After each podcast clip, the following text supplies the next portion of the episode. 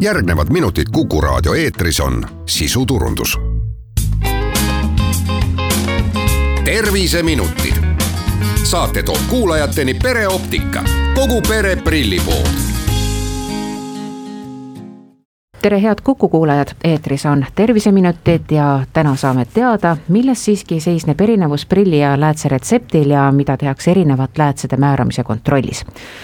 stuudios on pereoptikast Laura Tõnov ja Jaan Põrk ning Oksa optikatarvete osaühingust Alconi kontaktläätsede maaletooja Heiki Lints, mina olen Annika Õunap, tere teile! tere, tere.! Eh, kas üldse, hakkame sellest pihta, kontaktläätsede kandmine on tänapäeval populaarne teema, sellepärast et minu hinnangul, kui ma vaatan linnapilti, me oleme siin varasemaltki rääkinud, on ju tegelikult väga tugevalt eh, kõrvale tekkimas sellised isikupärased prilliraamid, prillid, et aga kuidas elab selle kõrval siis kontaktläätsede maailm? Äh, jah, kontaktläätsede maailm on äh, täpselt sama tähtis kui äh, prillioptika maailm, sellepärast et ühes positsioonis on kontaktläätsed väärtuslikumad abivahendid ja teises on loomulikult prillid, aga kõikidel nendel äh, Äh, abivahenditel on tõesti just nimelt sellised kohad, kus kohas nad on asendamatud. Ja täna püüamegi nagu selgitusi anda, kuidas kõige targem on siis nende vahenditega toimida. Kontaktläätsedel on loomulikult omad eelised olemas, et äh, nad jäävad ju tegelikult märkamatuks ja nendel on ka selline mugavuskülg olemas, et eriti nüüd, mil me kanname hästi palju maske, siis prillikandjate jaoks on see väga suur väljakutse, sest nägemine on äh, sellises kombinatsioonis, kus on mask ees ja, ja prillid pidevalt udune, läätsedega seda probleemi ei teki. kuid kui nüüd äh, prillikandjal või siis ka teistel inimestel, kes on otsustanud, et nad äh, sooviksid kanda äh, kontaktläätse, kas siis värvilisi või mitte, et niisama lihtsalt ju tegelikult ei saagi endale neid tellida näiteks olemasoleva prilliretsepti alusel milles siiski seisneb see kõige suurem erinevus prilli ja läätseretseptil? Esiteks võib-olla on erinevus äh, prilli ja läätse tugevustes. kuna läätsed asuvad sarvkestal, silma läbipaistval osal, siis on nende efektiivne tugevus võrreldes prilliga erinev. ja suurte tugevuste korral on läätse tugevused erinevad sellest, mis prilli retseptil. Äh, miinuse puhul on kontaktlääts äh, tavaliselt väiksema miinusega ja pluss läätse puhul on kontaktlääts suurema tugevusega, kui on siis prilli retsept lisaks sellele peab läätse retseptil olema ka kirjas BC ehk läätse baaskumerus, läätse diameeter ja soovitatavalt ka läätse nimetus, mis silmale sobib see tähendab siiski, et kui inimesel on soov äh, kontaktläätsi kandma hakata, siis ta justkui peaks ikkagi optometristile äh, vastuvõtule minema ja laskma selle spetsiaalse äh, läätseretsepti endale määrata, et kas siis selle läätseretsepti määramisel tehakse optometristi vastuvõtul ka midagi sootuks teisiti, et kui inimesel ongi soov näiteks ülevaade saada, et milline on tema nägemine, siis ta peaks justkui nagu koheselt ütlema ka seda, et kas tema tahab prille või tema tahab kontaktläätsi siin võib-olla ma tahaks lisada seda, et läätsede määramisel esiteks mõõdetakse sargesta kumerust, vaadatakse üldse silmakuju, selliseid asju ja mis on eriti oluline, on see, kuidas lääts hiljem silmas hakkab istuma. lääts ei tohi liialt iminappana vajutada sargestale, ühesõnaga halvendades sargesta hapniku ainevahetust. siin võib-olla noh, tagasi tulles silma anatoomia, füsioloogia juurde sargest ainevahetust ja hapnikuvahetust toimib ainult läbi pisaravedeliku, nii et see läätse kuju on ülimalt oluline äh, läätsede valikul. ja üldse noh, võib-olla siis tuleks alustada sellest, et inimene, kes soovib esmaselt äh, kontaktläätsi saada, peaks siiski, jah, kindlasti võiks öelda, et peaks, mitte et oleks soovitav, külastada optometristi, kes kõik teeb need protseduurid ära, mõõdab tugevused, äh, sargesta raadiused, vaatab taluvust, vaatab läätse liikuvust silmas, et hilisemat sargest ei hakkaks kannatama hapnikuvahetust vaeguse all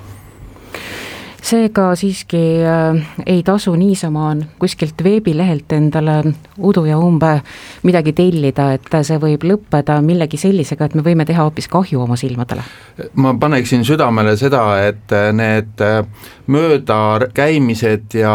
silmale haiget tegemised ei hakka mõjuma otsekohe et kõik selline ebamugavus, millega tegelikult silm mingisugusel hetkel ära harjub, see hakkab tegelikult äh, neid probleeme näitama aastate pärast. Ja noh, ma olen alati ütlenud, et meie tahame ju näha ka seitsmekümneaastaselt, mis siis, et me täna oleme kolmekümnesed või kahekümne viiesed ja kasutame kõike seda hüve, mida, mida maailm meile pakub, aga kui me hoolitseme oma äh, organismi eest ja eriti silmade eest, siis me teame, et me elame täisväärtuslikku elu võib-olla ma täiendaks siia veel seda, et paljud asjad, mis näiteks tellides lähevad valesti, inimene ise ei märka esimesel hetkel. näiteks kui ta tellib endale, lühinägelik inimene tellib endale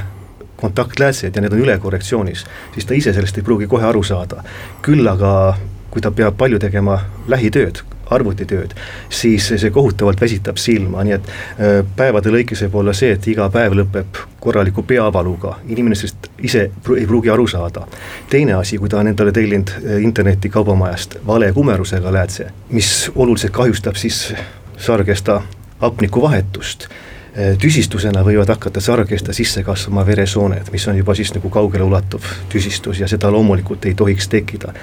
kui te käite optometristi juures, siis tema oskab hinnata, millise kujuga lääts on sobilik silmale, millise firma lääts, siin on erinevusi. nii et jah, see peaks olema kindlasti kohustuslik, esmane visiit optometristi juurde, hiljem, kui on asjad selged, mida te soovite kanda, mida teie silm talub ja mis on õige, õigete parameetritega lääts, seda saate siis juba tellida interneti kaubamajast, kui on soov aga no ikkagi tuleks äh, vähemalt aastas korra, äh, kui on pidev kontaktläätse kandja, siis aastas korra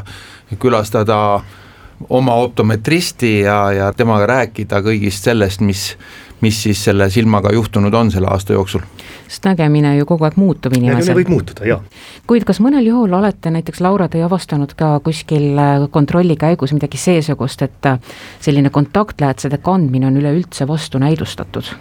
äh,? Ikka näiteks väga kuiva silma puhul, ka siis, kui on allergiad, äh, silmapõletikud, ka muud aktiivsed silmahaigused, äh, mille puhul sarvkestal, konjunktiivil või silmalaugudel seespool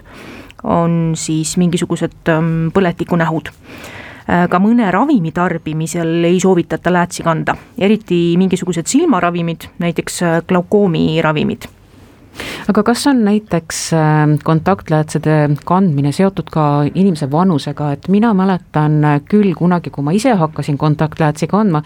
et näiteks kuusteist aastat vanusepiir oli täiesti seatud sellele, et kas see nüüd täna ka kehtib veel? täna see enam kehtiv ei ole. uuringud on näidanud, et kontaktläätsede kandmine kuidagi ei mõjuta lapse näiteks lühinägelikkuse arengut. selles mõttes oluline on see, et laps ise saaks hakkama läätsete silmapanekuga, silmast äravõtmisega, hooldusega. nii et jah, kui tal on näiteks lapsel on mingisugused sellised hobid, mis kindlasti nõuaks läätse kandmist, siis see on täiesti võimalik ja ma ei tea, kuna tulid esimesed progresseeruvad kontaktläätsed, et,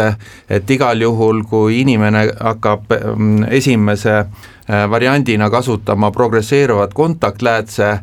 siis on sellega ikka väga keeru-, rohkem keerulisem ära harjuda kui prillidega, aga see inimene, kes on noorest põlvest peale kasutanud kontaktläätse kogu eluaeg, sellele on täiesti normaalne minna edasi ka progresseeruvate kontaktläätsudega, ehk äh, ta näeb ühtede läätsedega nii kaugele kui lähedale. Jaan, te tõite väga vahvalt välja praegu selle, et tegelikult ju on samamoodi erinevad tehnoloogilised uuendused ka kontaktläätsede maailmas toimunud, näiteks selle progresseeruvate kontaktläätsede äh, nii-öelda turule tulek või mis iganes, et äh, mina näiteks varem ei teadnudki sellest midagi, et kas see on nüüd uus uudis või on see vana uudis ja mis, millised on need uued uudised selle kõrval veel? siin võib-olla ma tahakski üles kutsuda seda, et võib-olla inimesed, kes aastaid tagasi mingil põhjusel neil, neil ei õnnestunud kontaktläätse kandmine. näiteks, kas oli tegemist astigmatismiga, see on siis refraktsioonihäire, mis nõuab silindrilist korrektsiooni. sellel hetkel meil niisuguseid läätseid pakkuda ei olnud. nüüd on olemas toorilised kontaktläätsed, mis korrigeerivad ka silindrit, see nüüd üks uudistest. loomulikult ka nagu Jaan mainis, progresseeruvad ehk siis multifokaalsed läätsed, see on ka uudis jällegi, et inimesed võib-olla, kes on pikka aega kandnud kontaktläätsi, nüüd on nad jõudnud presbüoopia ikka nelikümmend pluss vanuses ja võiks vabalt proovida üle minna multifokaalsete läätsede peale, et saada siis hakkama nii lähitööga kui ka näiteks autoroolis olles. aga mina kinnitan üle, et igal juhul oleks vaja seda teha kontrolli all, et, et, et kindlasti oleks spetsialist, kes aitaks selle protsessi nii-öelda pidevalt ja hästi kasulikult hoida. Kuid äh, me olemegi jõudnud peaaegu siin äh, oma saate lõppu ja, ja kuna nüüd on äh, suvi tulemas, kas siis nüüd kontaktläätsedega tohib siiski ujuma minna ja kas kontaktläätsedel on ka UV-kaitse efekt olemas? kontaktläätsedega on niimoodi, et pigem ei tohiks minna sellistesse kohtadesse, kus on võimalus, et silma läheb vett või silma läheb mingisugust puru. ehk siis ka näiteks suvel tegelikult rannas viibimine kontaktläätsega ei ole väga hea variant Äh, nüüd UV-kaitse peaks olema ikkagi enamusel kontaktläätsedel peal olemas ja lõpetuseks loetlege üles need, äh, kas siis tegevused, elukutsed, kus siis justkui see kontaktläätse kasutamine on äh, eelis prillide ees? ma pakuks ühe variandi välja sellise, kus näiteks inimesel on vaja teha pikki valveid, öövalveid, näiteks selline variant, sest on olemas ju läätsed, mida saab pikemaaegselt silmas kanda et noh, siin nimesid nimetamata, aga jah, et näiteks ühte läätsepaari võiks kanda võib-olla kuu aega järjest. ja kui inimene peab tegema öövalvet, siis näiteks seal võiks see väga hea variant olla samas ei ole kontaktlääts väga hea abivahend äh, konditsioneeritud ruumides äh, pikkadel autosõitudel, sellepärast kõik see, mis kuivatab silma, tegelikult on ohtlik ka kontaktläätse kandjale, aga ühe positiivse otsa ma tooksin veel välja, et äh, kandes kontaktläätse võib kanda väga ilusaid ja väga hooaja moodsaid päikseprille, sest äh, et see on jälle omamoodi positiivne nüanss. suur tänu teile, äh, head külalised, oleme taas kord palju targemad ja, ja sellest teemast tegelikult saaks rääkida veel pikemaltki. kuid tänaseks peame lõpetama, stuudios olid äh, pereoptikast Laura Tõnov ja Jaan Põrk ning äh, Okso optikatarvete osaühingust Alkoni kontaktläätsede maaletooja Heiki Lints ja mina, Annika Õunap, tänan kuulajaid, aitäh teile! terviseminutid. saate toob kuulajateni pereoptika, kogu pere prillipood